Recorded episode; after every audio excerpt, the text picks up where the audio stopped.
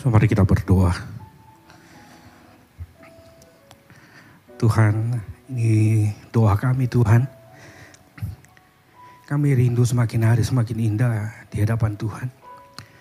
Kami tahu kami jauh daripada sempurna Tuhan. Ketika Tuhan membentuk kami, sering kali kami memberontak. Itu sebab Tuhan hidup kami sering kali terlalu lambat untuk menjadi indah. Ampuni kami Tuhan kalau kami terlalu bebal. Tapi hari ini Tuhan kami mau sekali lagi Tuhan. Dengan anugerahmu Tuhan, terus bentuk hidup kami Tuhan. Terus jadikan kami indah Tuhan. Mampukan kami terus untuk berjuang dalam proses Tuhan ini. Dan menjadi seperti yang Tuhan kehendaki. Tuhan ini pujian yang sudah kami naikkan Tuhan. Biarlah pujian ini bukan hanya ucapan bibir kami. Tapi pujian ini boleh sungguh-sungguh muncul dari hati kami. Kami sadar bahwa setiap perkataan yang keluar itu adalah doa kami dan janji kami di hadapan Tuhan. Tuhan biarlah ini boleh menjadi persembahan yang harum. Namamu yang boleh ditinggikan lewat hidup kami Tuhan. Sebenarnya kami akan membaca dan merenungkan firman-Mu Tuhan. Biarlah sungguh Tuhan firman ini boleh sekali lagi berbicara kepada setiap kami. Kalau ada hal yang harus kami ubah dari hidup kami. Kalau ada hal-hal yang harus kami perbarui, perbaharui dari diri kami Tuhan. Tuhan mampukan kami peka dan tolong kami Tuhan. Kami berdoa, kami mohon rohmu bekerja dalam setiap hati jemaatmu Tuhan. Berbicaralah Tuhan karena kami siap untuk mendengar. Di dalam namamu Tuhan Yesus kami sudah berdoa dan bersyukur. Amin. Shalom Bapak Ibu sudah dikasih Tuhan. Terima kasih teman-teman semua. Senang sekali hari ini bisa uh, beribadah bersama-sama kembali di tempat ini, saudara. Sudah beberapa minggu yang lalu, uh, mungkin bukan beberapa minggu, hampir satu bulan yang lalu, saudara. Ada satu film yang sangat menarik. Saya tidak tahu sudah mengikuti atau tidak, saudara.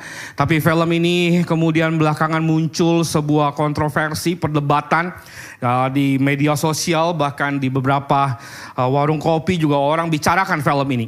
Saya tidak tahu apakah saudara sudah menonton film ini atau tidak. Karena ada sebagian orang berkata bahwa narasi film ini adalah eh, tidak sesuai dengan apa yang kemudian diyakini oleh mereka. Itu sebab film ini diusulkan untuk diturunkan saudara, di stopkan tayangannya. Uh, ada yang tahu kira-kira film apa saudara? Ah, filmnya judulnya ini saudara. His Only Son, saudara. Putra satu-satunya, saudara ya. Ada yang sudah menonton? Kalau belum, saudara uh, cari waktu nonton. Gak tahu di bioskop masih atau atau tidak. Sudah kalau nggak ada, ya sudahlah terima nasib aja, saudara ya. Baca aja Alkitab atau sudah dengerin aja khotbahnya, saudara ya. Nah hari ini saya ingin mengajak kita melihat tema kita, saudara Here I Am. Itu dari perspektif tokoh utama yang muncul dalam film ini, saudara. Karena bagi saya ini adalah suatu hal yang menarik karena tema yang kita renungkan hari ini itu sebenarnya cikal bakalnya muncul dari tokoh ini, saudara. Saya mengajak kita untuk melihat satu teks dari kejadian pasal yang ke-22. Ayat yang pertama sampai ayat yang ketiga. Tiga ayat saja saudara, selebihnya sudah boleh baca nanti di rumah ya. Kejadian pasal 22 ayat pertama sampai dengan ayat yang ketiga. Saudara boleh simak, saya bacakan firman Tuhan ini, saudara saya ayat yang ganjil, saudara ayat genap boleh, ayat yang ketiga kita baca sama-sama. Demikian bunyi firman Tuhan kejadian pasal yang ke-22. Ayat yang pertama. Setelah semuanya itu Allah mencoba Abraham, ia berfirman kepadanya Abraham, lalu sahutnya, ya Tuhan. Ayat kedua saudara.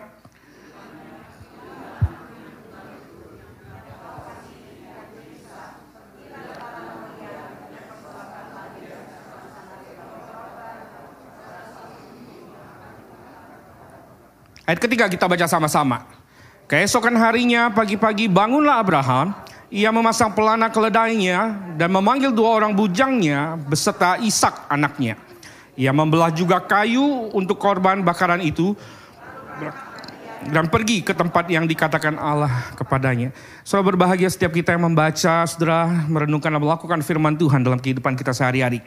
Saudara kisah yang kita baca di dalam kejadian pasal 22 adalah kisah mengenai Abraham.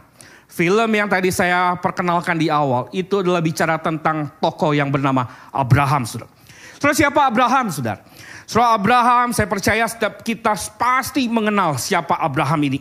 Saudara Abraham yang lahir dengan uh, nama Abraham itu adalah salah satu tokoh penting Bukan hanya bagi kita kelompok orang Nasrani, saudara. Tetapi juga adalah tokoh yang penting bagi mereka kelompok Yahudi, bahkan bagi mereka kelompok Muslim.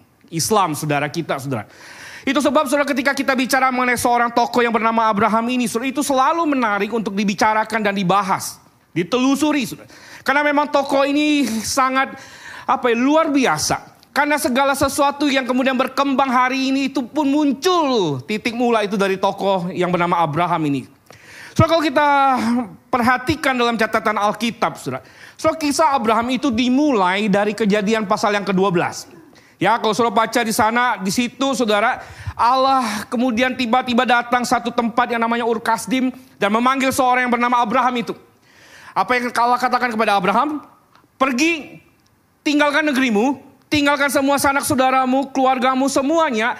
Pergi ke tempat nanti aku akan tunjukkan kepadamu. Dan menarik sekali saudara Abraham yang kita tidak tahu asal usulnya terlalu detail. Dia pergi dia mengikuti Tuhan. Tetapi menariknya Tuhan tidak hanya sekadar menyuruh Abraham pergi tinggalkan kampung halamannya, saudara. Sudah dikatakan dalam Alkitab bahwa Allah itu yang memerintahkan Abraham untuk pergi. Allah itu juga memberikan janji kepada Abraham. Kalau saudara baca dalam kejadian pasal 12 ayat yang kedua sampai ketiga. Allah memberikan janji yang sangat menarik, saudara. Kalau janji ini pertama kali dikatakan kepada Abraham.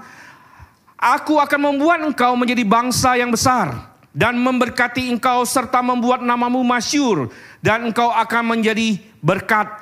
Aku akan memberkati orang-orang yang memberkati engkau dan mengutuk orang-orang yang mengutuk engkau.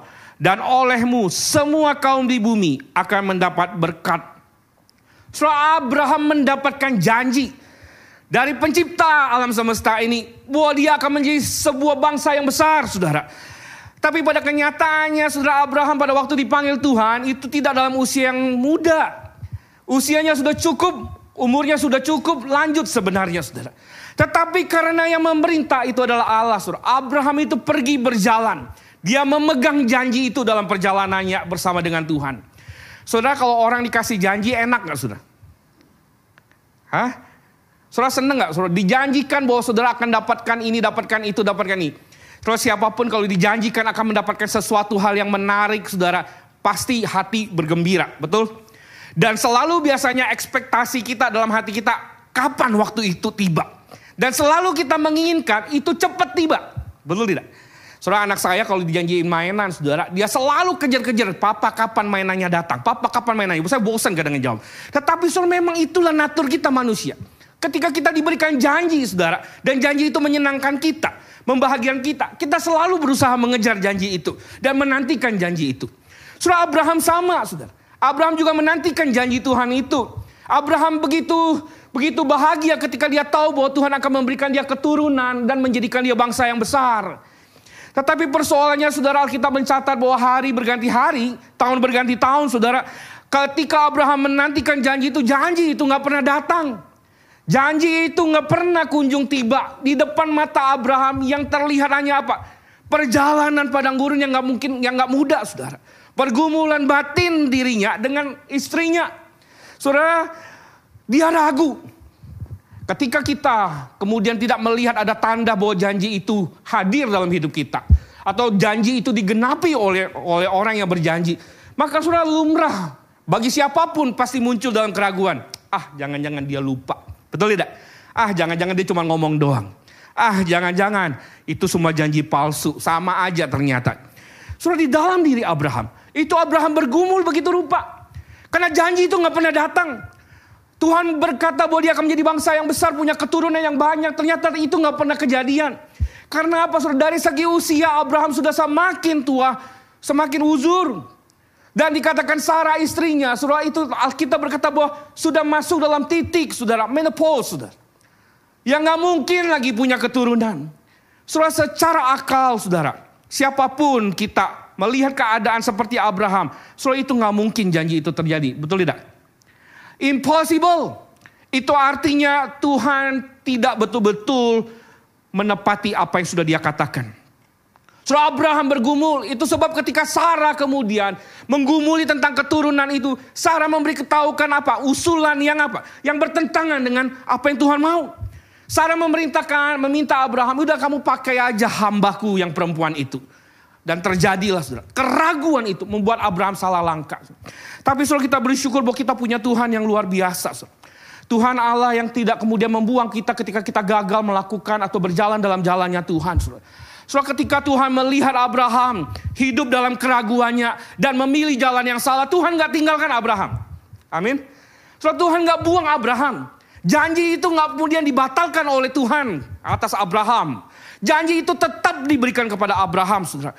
Saudara Allah tahu bagaimana bergumulnya Abraham. Dan itu sebab kalau saudara perhatikan dalam catatan Alkitab, saudara menarik sekali saudara. Saudara sampai tiga kali setidaknya saya lihat saudara.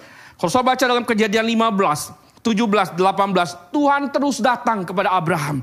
Tuhan terus meneguhkan dan meyakinkan janji-janjinya kepada Abraham. Dan kejadian 21 membuktikan kepada kita saudara. Bahwa Tuhan kemudian menggenapi apa yang ia janjikan. Secara manusia nggak mungkin. Sarah sudah tua, menopause. Tetapi saudara, di dalam rencana Tuhan ternyata segala sesuatu itu menjadi mungkin saudara. Terus sampai di titik ini saya belajar satu hal dan penting bagi kita hari ini. Yang mungkin sedang berjalan menantikan janji Tuhan saudara. Ingatlah bahwa Tuhan tidak pernah membatalkan janjinya apa pun terhadap kita. Amin. So sering kali ketika kita mendapatkan janji Tuhan dalam perjalanannya mungkin gak pernah instan. Janji Tuhan gak pernah instan bagi kita. Seringkali Tuhan memproses kita Sampai kita siap untuk menerima janji itu. Dan kadang kita terjatuh. Kadang kita meragukan janji Tuhan. Tapi baiknya Tuhan, Tuhan tidak pernah membatalkan janji itu. Sudah dikatakan oleh Alkitab kemudian apa?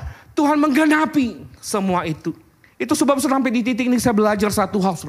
Apa yang sering kali mustahil bagi kita. Itu tidak demikian bagi Allah. Bagi Allah nggak ada satupun yang mustahil. Manusia boleh berpikir bahwa tidak mungkin Abraham dan Sarah itu punya anak. Tidak mungkin Abraham dan Sarah itu punya keturunan. Impossible mereka akan menjadi bangsa yang besar. Gak mungkin.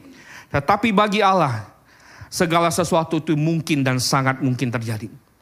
Saya mau katakan satu quotes begini, so. Jika Allah sudah berjanji, maka semuanya itu pasti akan terjadi. Jika Tuhan sudah berkata, maka tidak ada satupun yang bisa membatalkan perkataan Tuhan. Kalau sudah Tuhan berkehendak terhadap sesuatu hal, maka itu pasti akan terjadi. Memang sering kali kita adalah manusia yang terbatas. Sulitnya kita adalah menyelami kapan waktunya Tuhan. Tetapi percayalah di titik ini surah Abraham dan Sarah. Apa yang terjadi dalam hidup mereka membuktikan kepada kita bahwa janji Tuhan itu selalu ya dan amin. Bahwa apa yang mungkin kita merasa bahwa itu sudah selesai. Tetapi ternyata tidak saudara. Bagi Tuhan saudara semua itu akan terjadi. Sudah penantian 25 tahun dibayar lunas oleh Tuhan dengan sempurna. Tapi kalau kita baca apakah kemudian perjalanan kisah Abraham itu selesai sudah? Ketika dia sudah mendapatkan Ishak. Sudah menarik sekali sudah kalau kita baca dalam catatan Alkitab tidak sudah. Sudah cerita yang saya ceritakan dalam dari kejadian 12. Itu sebenarnya adalah sebuah introduksi. Sebuah permulaan. Itu bukan apa-apa dan belum apa-apa sudah. So kisah yang sesungguhnya perjalanan Abraham itu dimulai dalam kejadian 22 yang tadi kita baca. Saudara. Nah kenapa penting tadi saya ceritakan semua kisah itu? Karena itu membawa kita masuk menyelami teks yang kita baca tadi. Karena kalau kita tidak membaca kejadian 12 sampai kejadian 22 di awal itu, kita nggak akan bisa ngerti. Apa yang kemudian menjadi pergumulan Abraham di kejadian pasal 22. Terus menarik sekali kalau saudara perhatikan apa yang kemudian Alkitab katakan dalam kejadian 22 ini saudara. So di sini dikatakan bahwa setelah semuanya itu Allah mencoba Abraham. So beberapa penafsir kurang setuju dengan kata mencoba. Karena bagi mereka bahwa Tuhan tuh nggak mungkin mencobai manusia. Jadi sedikit ditwist jadi kata menguji, saudara. Saya juga pikir-pikir mencoba menguji, ya oke okay lah. Tapi intinya saudara, Allah nggak pernah mencobai manusia. Tetapi Alkitab berkata bahwa Allah memberikan sebuah ujian kepada Abraham. Dan menarik sekali dikatakan Allah kemudian memanggil Abraham. Apa jawab Abraham saudara? Ya Tuhan. Saudara jawaban Abraham ini akan menjadi konsentrasi kita. Saudara. Kenapa saudara? Karena jawaban Abraham ini adalah jawaban yang sangat penting saudara. Saudara kalau kita perhatikan jawaban Abraham ini, LAI menerjemahkan ya Tuhan. Yang kalau kita lihat sekilas kayaknya nggak ada meaning apa-apa, betul tidak? Ya Tuhan. Sama seperti kalau orang memanggil kita, kita jawab apa? Ya. Yes. Hai, hai juga jawab. Tetapi saudara, Saudara, kata yang dipakai LAI ini, saudara, itu kelihatan sederhana, tetapi tidak di dalam bahasa aslinya, saudara. Saudara, dalam bahasa Inggris diterjemahkan here I am. Tetapi di dalam bahasa aslinya, saudara, kata yang dipakai oleh Abraham ini, itu adalah kata, apa saudara? Hineni. Sama-sama katakan, saudara? Hineni. Saudara mungkin pikir, apa lagi nih kata hineni gitu ya. Ya kalau pendeta Randy bilang bukan uh, Haineni itu ya. Bukan Haineni, Hineni sudah. Hineni sudah. Saudara, sorry harus pakai kata ini. Tapi sebenarnya kata ini nggak asing saudara. Ya teman-teman apa AI susu yang ikut usia bahagia atau yang ikut kebaktian satu harusnya tahu lagu. Ada satu judul lagu Hineni yang kita nyanyi. Ada yang tahu? Saya tadi mau minta pendeta Reni untuk nyanyi lagu Hineni. Soalnya saya nggak bisa mandarinya, saudara. Saya tahu itu ada lagunya. Yang bisa itu cuma pendeta Randy. Tapi ya sudahlah nanti next week, saudara ya. Soal Hineni, saudara. Saudara secara harafiah, Hineni itu bicara apa? Ini aku. Atau aku di sini. Saudara ini adalah respon pertama. Sebelum saudara tahu Yesaya berkata ini aku Tuhan, utus aku. Saudara Yes, Abraham adalah orang yang pertama kali bicara kepada Tuhan, Hineni. Abraham yang pertama kali bicara kepada Tuhan, Tuhan ini aku. Saudara, menarik sekali kalau kita perhatikan kata hineni ini, saudara. Saudara, di dalam tata bahasa Ibrani, saudara hineni ini punya makna yang sangat dalam, saudara. Saudara, kata ini bukan sekedar bicara tentang sebuah respon bahwa saya hadir di tempat ini. Seperti kalau zaman kita sekolah, saudara kita di absen, betul tidak? Oh, Pak Budi, Ya, saya di sini, aku ini atau oh Pak Sobi, saya di sini, aku ini. Saudara, kata hineni ini itu bukan sekadar bicara bahwa saya hadir di tempat ini. Tidak, Saudara. Saudara, kata hineni yang dipakai di dalam konteks ini, Saudara bicara responnya, itu maknanya jauh lebih dalam. Saudara. Kata hineni ini bicara tentang apa, Saudara? Sebuah sikap hati yang sedia, yang sanggup untuk menerima dan melakukan apa pun yang dikatakan oleh dia yang menyapa. Jadi Hineni itu punya makna yang sangat dalam, saudara. Seperti gambaran sederhananya, seperti seorang tentara. Ketika dipanggil komandannya apa saudara kata perkataannya uh, tentara kepada komandannya? Siap, betul ini. Saudara pikir pada waktu seorang tentara berkata siap kepada komandannya, saudara apa pun yang dikatakan komandannya, berani tolak nggak? Enggak, saudara. Itu Hineni, saudara. Jadi pada waktu Abraham berkata, ya Tuhan, hineni sudah. Itu artinya Abraham berkata, ini aku Tuhan. Aku siap untuk menerima apa pun yang kau katakan. Aku siap untuk melakukan apa pun yang kau perintahkan dengan sepenuh hati. Tanpa berbantah-bantah. Saudara menarik sekali saudara. Kalau kita perhatikan saudara, ketika Abraham berkata begitu. Saya pikir-pikir pada waktu saya perenungan saudara ini Abraham sebenarnya so, dalam bahasa Ibrani itu ada satu kata lagi yang biasa dipakai juga untuk menjawab respon terhadap panggilan. Yaitu saya nggak cantumkan, namanya itu poani sudah. Ya bukan poani, tapi bahasa Ibrani tulisannya poani, artinya ya sama aku di sini. Tapi itu menunjukkan kehadiran saudara. Tetapi menariknya Abraham itu nggak pakai istilah itu. Abraham pakai hineni. So saya pikir-pikir Abraham nekat juga sudah. Kenapa? Karena ketika Abraham menjawab apa, per, uh, sapaan Tuhan hineni itu artinya sudah. Abraham nggak boleh tolak apa pun yang Tuhan katakan.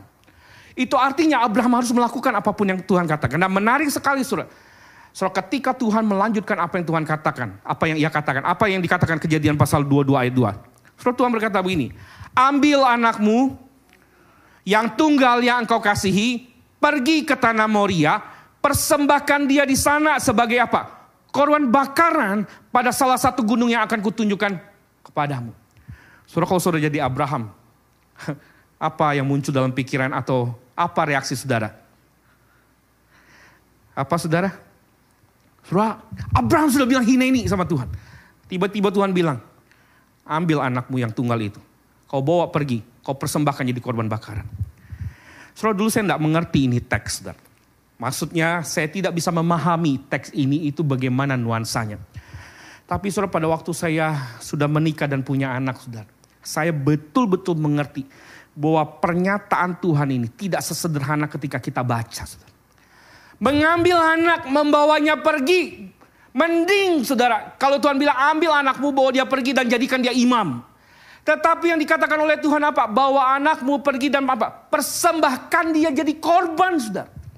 Orang tua mana yang tega, yang rela membawa anaknya pergi untuk mempersembahkan jadi korban kepada Tuhan, saudara. So nggak ada orang tua yang betul-betul bisa sepenuh hati lakukan itu, betul tidak? Nggak ada, saudara. So kalau saya jadi Abraham, saya langsung apa? Oh Tuhan nggak jadi Hineni deh Tuhan, jadi Poani aja Tuhan. Tuhan terlalu berat.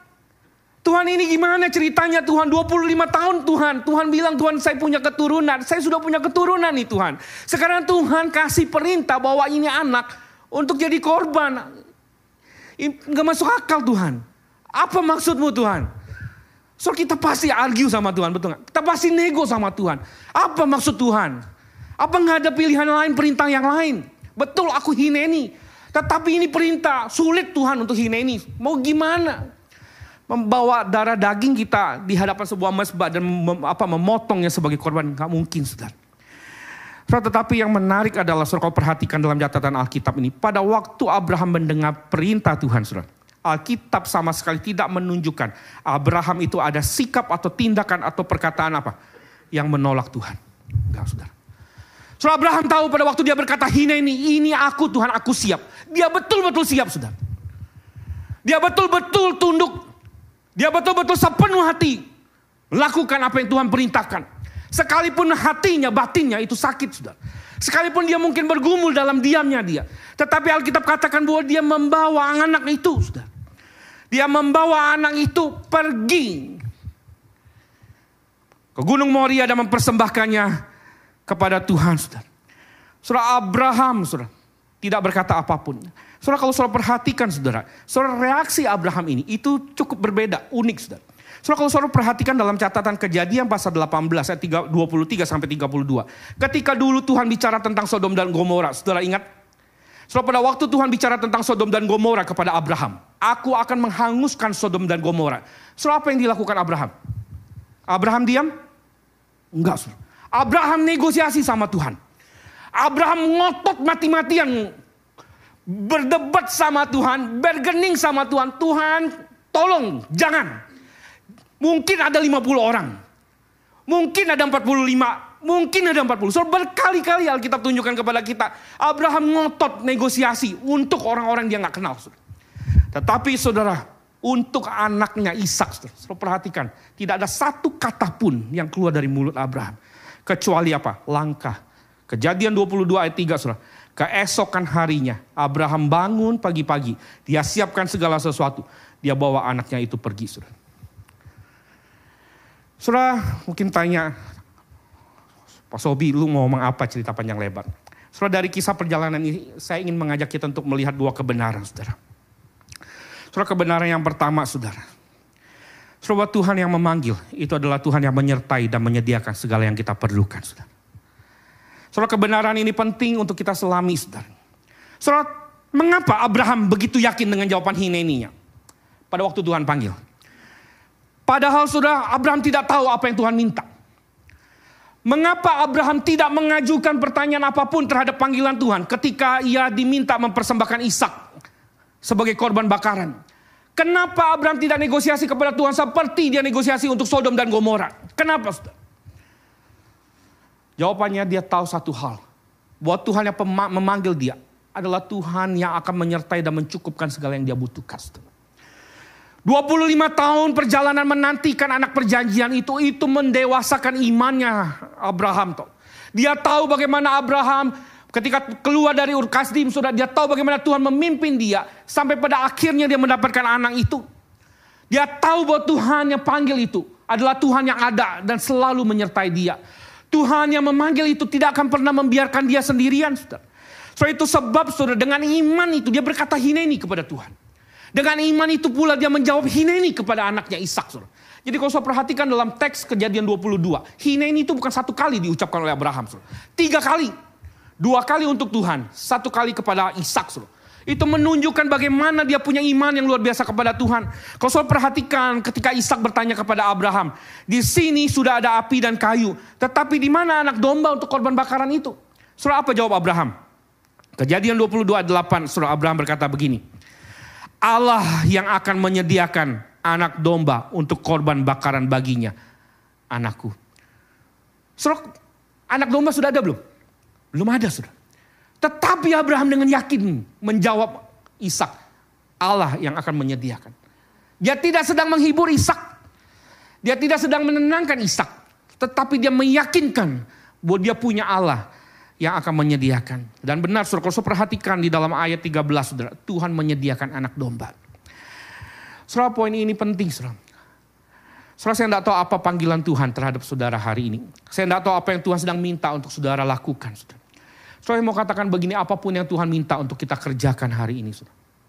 Kita lakukanlah itu dengan sepenuh hati. Kita lakukanlah itu dengan penuh ketundukan dan ketaatan. Saudara, saudara perlu takut, saudara. Perlu khawatir. Tidak perlu takut, tidak perlu khawatir. Saudara.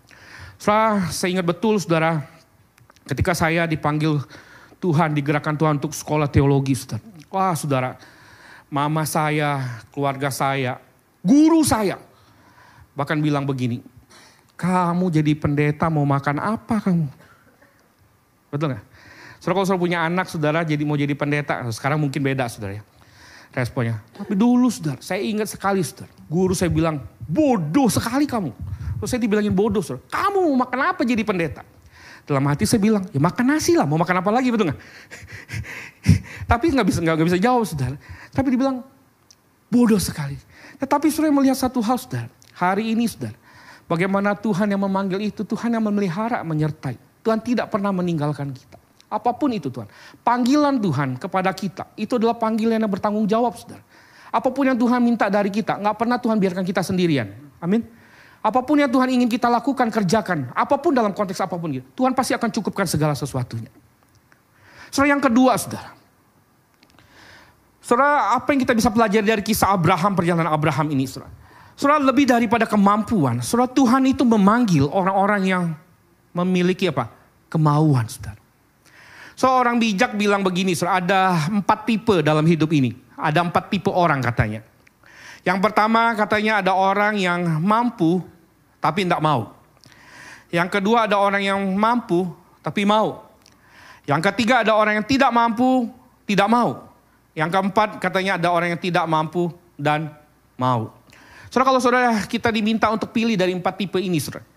Tipe mana yang akan kita pilih saudara? Halo? Kita pasti akan pilih tipe yang kedua. Orang yang mampu dan orang yang mau. Kenapa? Karena ini tipe orang yang paling ideal. Karena ini tipe orang yang paling sempurna, saudara. Tuhan pun mau cari yang seperti begini. Tuhan pun pengen ada orang yang seperti begini. Tetapi persoalannya saudara, orang yang punya tipe begini, orang yang mampu dan mau itu apa? Langka. Betul tidak? Saya seperti cari jarum di dalam tumpukan jerami, susahnya minta ampun cari orang yang begini. Nah yang banyak itu stoknya apa saudara? Stoknya adalah tipe orang yang apa? Orang yang mampu tapi tidak mau. Atau orang yang tidak mampu tapi mau. Ya stok yang satunya nggak usah dibahas lah saudara ya. Yang tidak mau dan tidak mampu ya sudah bohwat lah itu ya. Itu nggak masuk hitungan saudara. Saya juga nggak tahu ada nggak orang hidup kayak gini. Ya, apes banget kalau orang hidup dengan tidak mau, tidak mampu sudah terus nggak mau lagi. Udah deh, lebih baik minta Tuhan jemput deh. Saudara, kalaupun kita dari dua sisa tipe itu, saudara. Saudara, kita pilih yang mana, saudara? Nggak mampu tapi mau atau mampu tapi nggak mau? Jawabannya jelas, kita pilih yang mana? Yang mau. Betul tidak? Orang yang mampu tapi nggak mau, itu terlalu sombong. Ya sudah, nggak bisa diapa-apa, saudara. Tapi orang yang mau, masih ada harapan. Meskipun mungkin berat dan sulit. Tetapi masih ada harapan untuk diperjuangkan. Saudara menarik sekali kalau saudara baca dalam catatan Alkitab. Saudara pola panggilan Tuhan pun sama, saudara. Saudara yang pertama-tama Tuhan lihat ternyata itu bukan bicara soal kemampuan kita. Tuhan tidak pernah panggil orang-orang, panggil kita karena berdasarkan kemampuan kita. Tidak, saudara. Tapi Tuhan panggil orang-orangnya itu berdasarkan kemauannya. Saudara, apa yang membuat Tuhan tertarik kepada Abraham? Bukan karena kemampuan Abraham. Kalau saudara baca dalam catatan kejadian dari kejadian 12 sampai kejadian 22.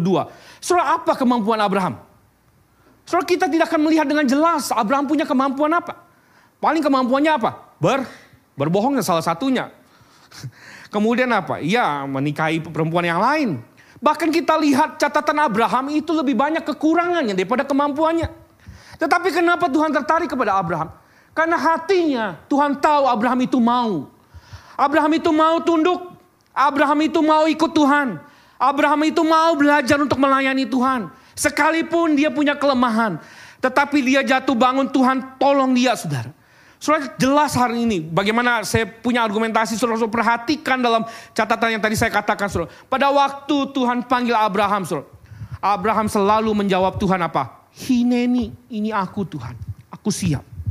Ini aku Tuhan, aku mau apa pun yang Tuhan katakan. Ini aku Tuhan, bicaralah. Saudara sayangnya hari ini saudara banyak orang Kristen saudara. Itu tidak memiliki kemauan yang sama seperti Abraham. Kita ini sering kali tidak punya keberanian untuk berkata kepada Tuhan, Hineni, ini aku Tuhan. Mengutip perkataan pendeta Randy kita itu cuma berani apa? Haineni, saudara. Dan betul banyak kita menjadikan Tuhan itu seperti neni. Saudara tahu Haineni itu? Maksudnya itu seperti neni. Saudara neni itu tugasnya apa saudara? Ikutin apa yang kita mau, betul tidak? Kita yang memberi perintah Tuhan. Kita sering kali menjadikan Tuhan, respon kita bukan hineni, bukan aku yang melakukan. Tetapi hineni kata pendeta ini. Tuhan yang melakukan apa yang aku mau. Tuhan yang menentu, aku yang menentukan panggilan apa yang aku harus jalani. Bukan Tuhan yang menentukan. Aku mau apa Tuhan yang follow aku. Tuhan yang adjust ke aku. Bukan aku ke Tuhan. Seringkali kita gagal saudara. Tetapi lucunya banyak orang Kristen itu saudara. Kalau bicara bicara soal berkat, saudara, kita paling lantang cepat berespon apa? Hineni, betul tidak? Kalau bicara panggilan Tuhan, kita sulit sekali bicara hineni. Tapi kalau bicara tentang berkat yang Tuhan mau kasih, kita tanpa ragu buka tangan lebar-lebar dan kita bilang, ini aku Tuhan, aku siap, I'm ready. Aku siap terima berkat Tuhan. Tetapi pada waktu Tuhan bicara, kamu harus pergi, kita tutup mata. Saudara. Kita tutup telinga. Persis seperti siapa saudara? Adam.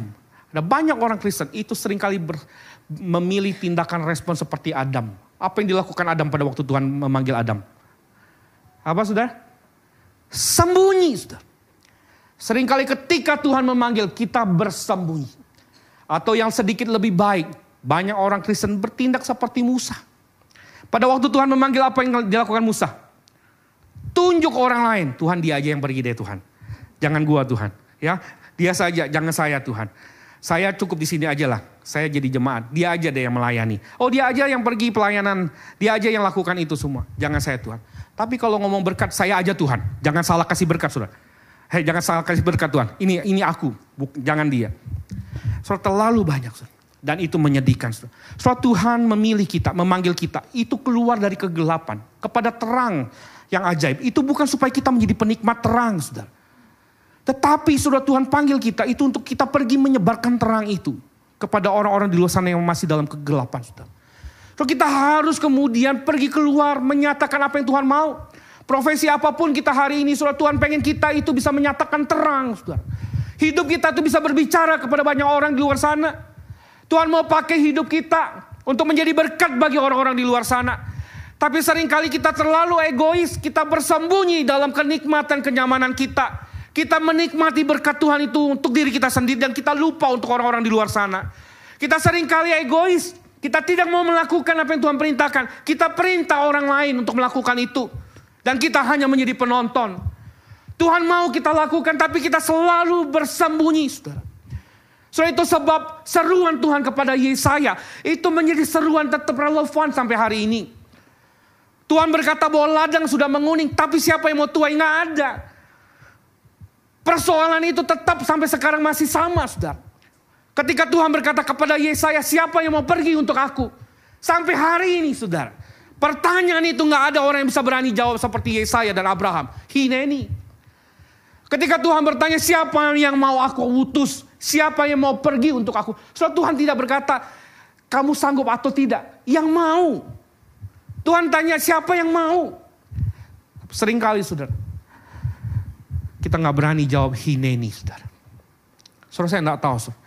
Jikalau pertanyaan ini saudara hari ini diperhadapkan kepada saudara dan saya saudara. Tuhan berkata siapa yang akan aku utus. Siapa yang mau pergi untuk aku. Membawa terang yang sudah ada. Yang sudah Tuhan berikan dalam hidup kita. Keluar sana. Memberkati orang-orang di luar sana Saudara berani gak kita jawab sama Tuhan? Hineni, ini aku Tuhan. Aku siap. Aku siap melakukan apa pun yang Tuhan kehendaki. Saudara mungkin jawaban ini tidak mudah. Konsekuensinya berat. Tetapi saudara ingatlah saudara. Tuhan yang memanggil.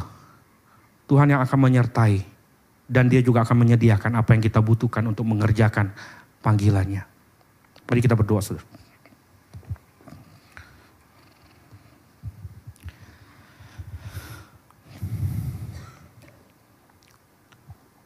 Saudara mari kita ambil waktu tenang sejenak di hadapan Tuhan. Sudah terlalu sering kita hidup dalam kenyamanan kita saudara. Dan sering kali kenyamanan ini membuat kita tulih terhadap panggilan Tuhan. Entah mungkin karena kita selalu bersembunyi di dalam kenyamanan kita. Atau entah kita pura-pura tidak mau tahu. Surah Tuhan hari ini mau panggil kita untuk mengerjakan apa yang menjadi isi hatinya. Tuhan bergumul terus bergumul. Siapa yang mau pergi untuk dia. Saudara saya tidak tahu apa yang menjadi panggilan Tuhan secara spesifik dalam hidupmu. Apa pun itu saudara, dengarkan panggilan Tuhan. Jangan selalu bersembunyi atau kita kemudian mengeraskan hati. Hanya melempar tanggung jawab kepada orang lain. Tuhan mau berurusan dengan kita bukan dengan orang lain. Saudara. Tuhan mau panggil kita dan Tuhan mau pakai kita. Berani enggak hari ini kita berkata, ini Ini aku Tuhan. Aku siap. Apa pun yang Tuhan kau mau katakan. Apa pun yang Tuhan kau mau minta aku lakukan. Aku siap. Sekalipun itu mustahil bagi bagi kita secara manusia. Atau tidak masuk akal. Tapi karena Tuhan yang minta. Aku siap Tuhan. Karena aku tahu Tuhan yang memanggil. Tuhan yang pasti akan menyertai dan menyempurnakan segala sesuatunya.